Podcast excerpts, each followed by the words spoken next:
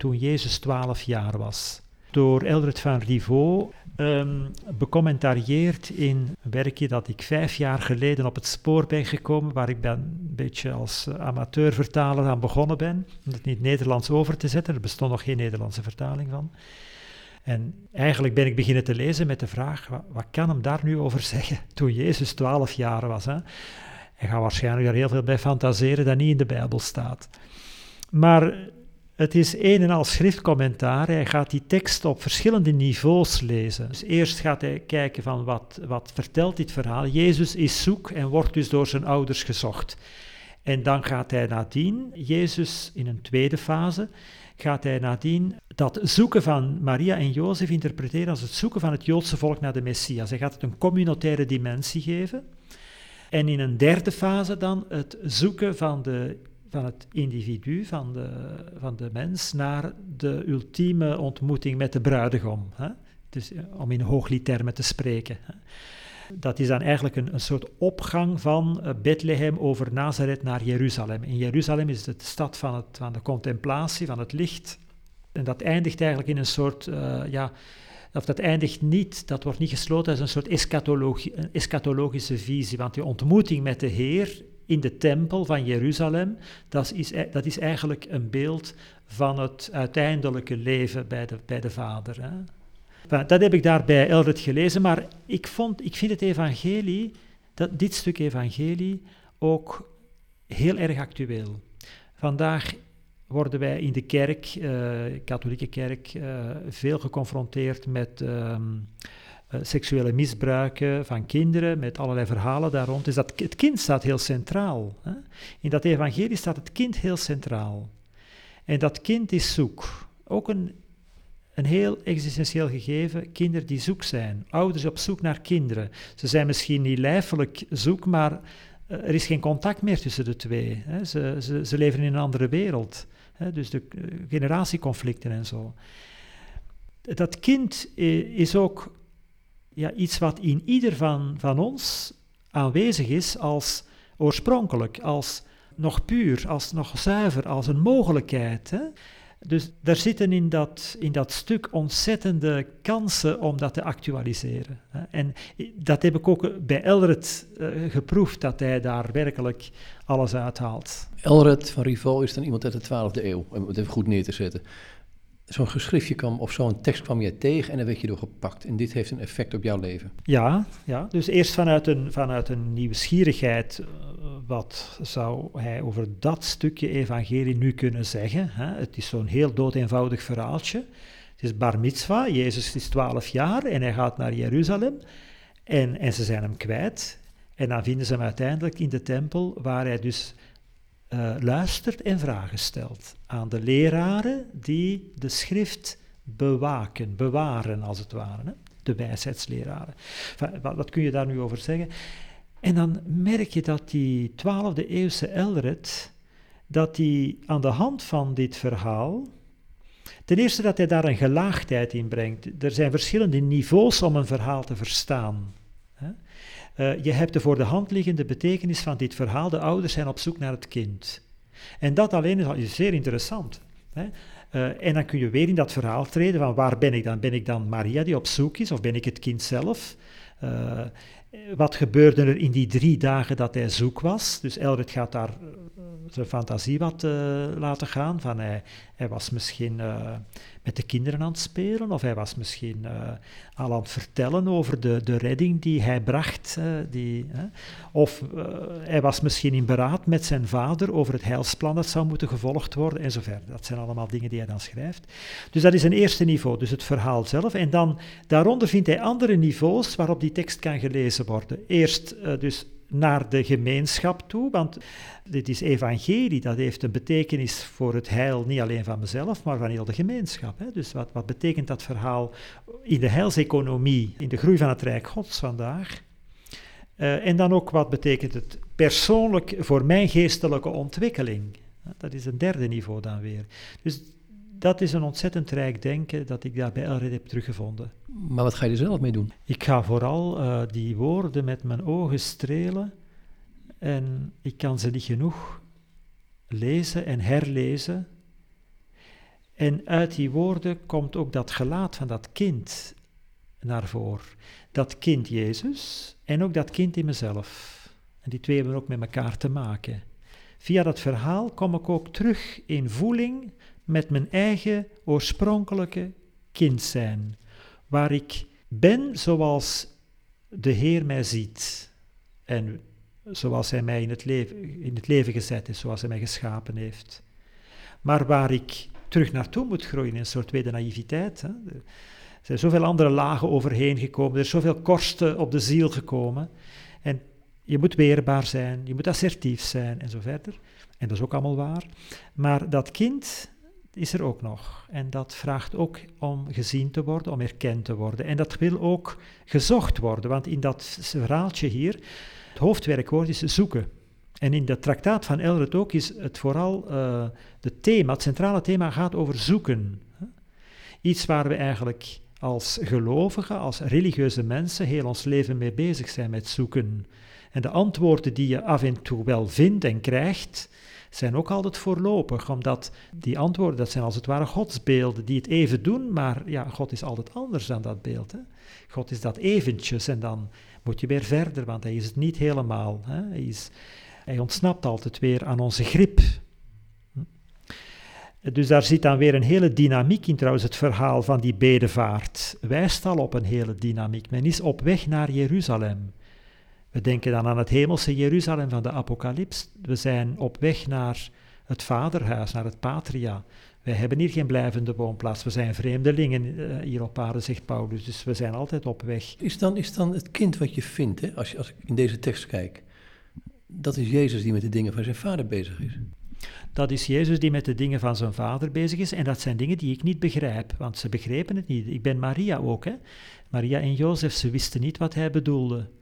De dingen van de Vader, dat zijn uh, dingen die wij maar heel uh, fragmentair vatten. Wat zijn de dingen van de Vader? Wat is het heilsplan van God?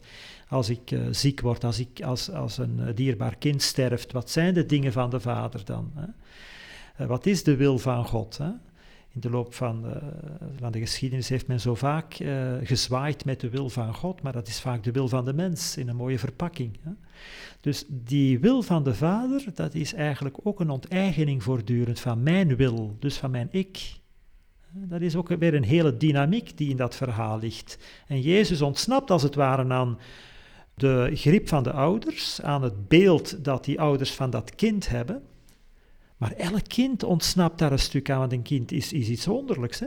Dus die, die ouders uh, die te veel uh, denken in naam van het kind en al zelf gaan invullen wat dat kind dan moet worden en zo, ja, die, die slaan de bal ook mis. Ze, ook mis hè? Ze moeten het kind ook loslaten. Dat, heeft, dat is ook een verhaal dus van voortdurend loslaten om te kunnen groeien en de ander ook te kunnen doen zijn wie hij is. Een andere laag die Elred er overheen legt, is die laag van het Joodse volk op zoek naar de Messias. En dat, voor de 12e eeuw vond ik dit heel bijzonder.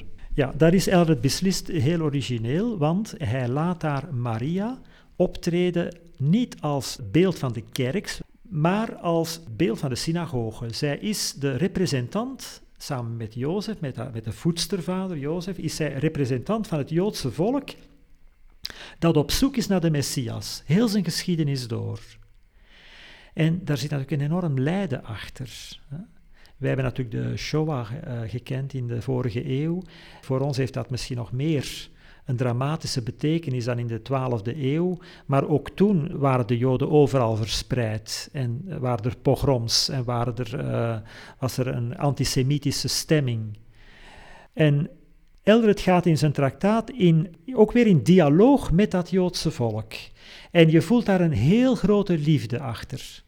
Van jullie zijn Jezus eigen vlees en bloed. Hij hoort meer bij jullie als het ware dan bij ons. Want wij zijn eigenlijk maar de heidenen. Wij zijn de kerk uit de volkeren, de goyim. Wij zijn de takken die ze geënt hebben. Maar jullie zijn de echte takken. Hè?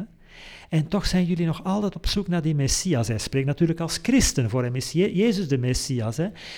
En hij zegt, ja, en, en je vindt hem niet. En hij is daar en hij is daar. En de profeten hebben dit gezegd en Jezaja heeft dat gezegd en de profeet uh, Jeremia heeft dit gezegd. Hij gaat dan heel de Bijbel door natuurlijk, als een soort computer, als door Google. Uh, en jullie vinden hem niet. En jullie vinden hem niet. Dat is dat refrein, hè?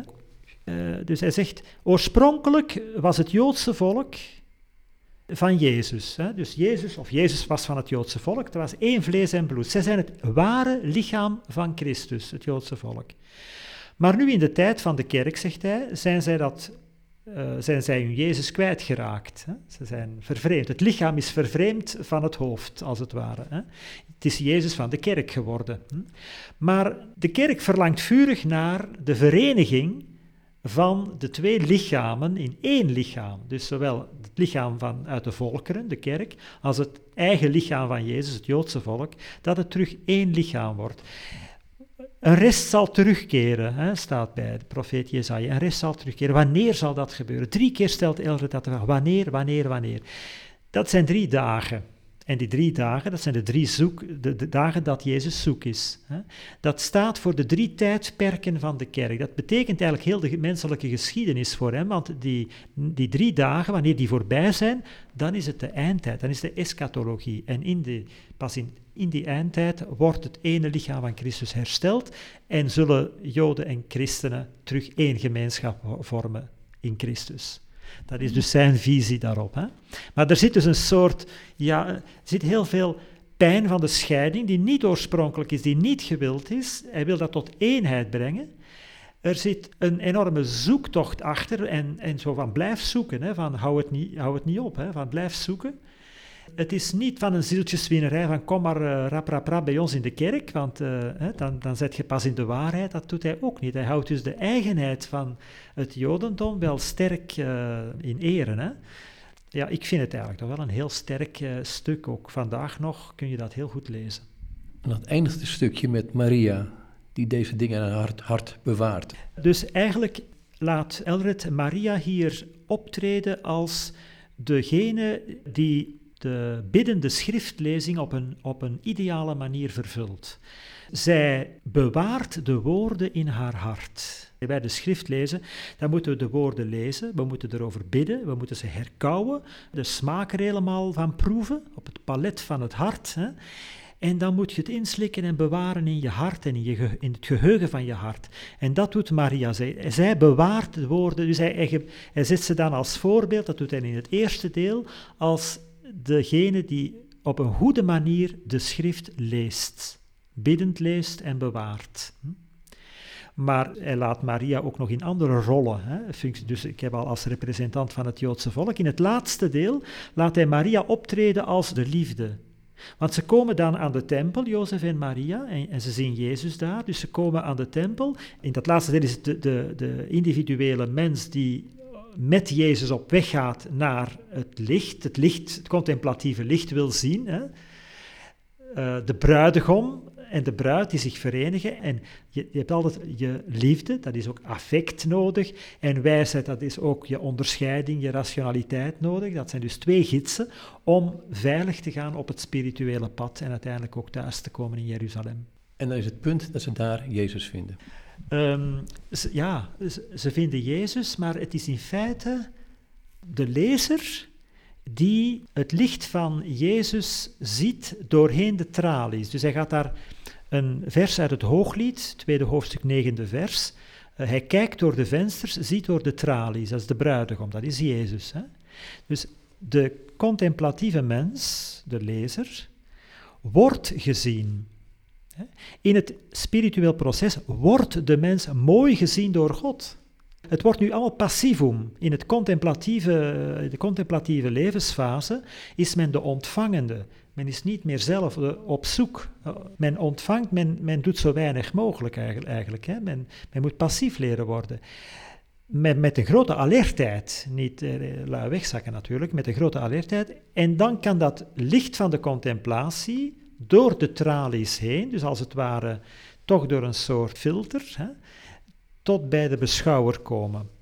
En dat licht van de contemplatie, dat eh, zal hij dan uitsplitsen in drie aspecten. Dat is dan via de schepping, via de andere schepping, de schrift, dat is een tweede kosmos, en via de eigen ervaring.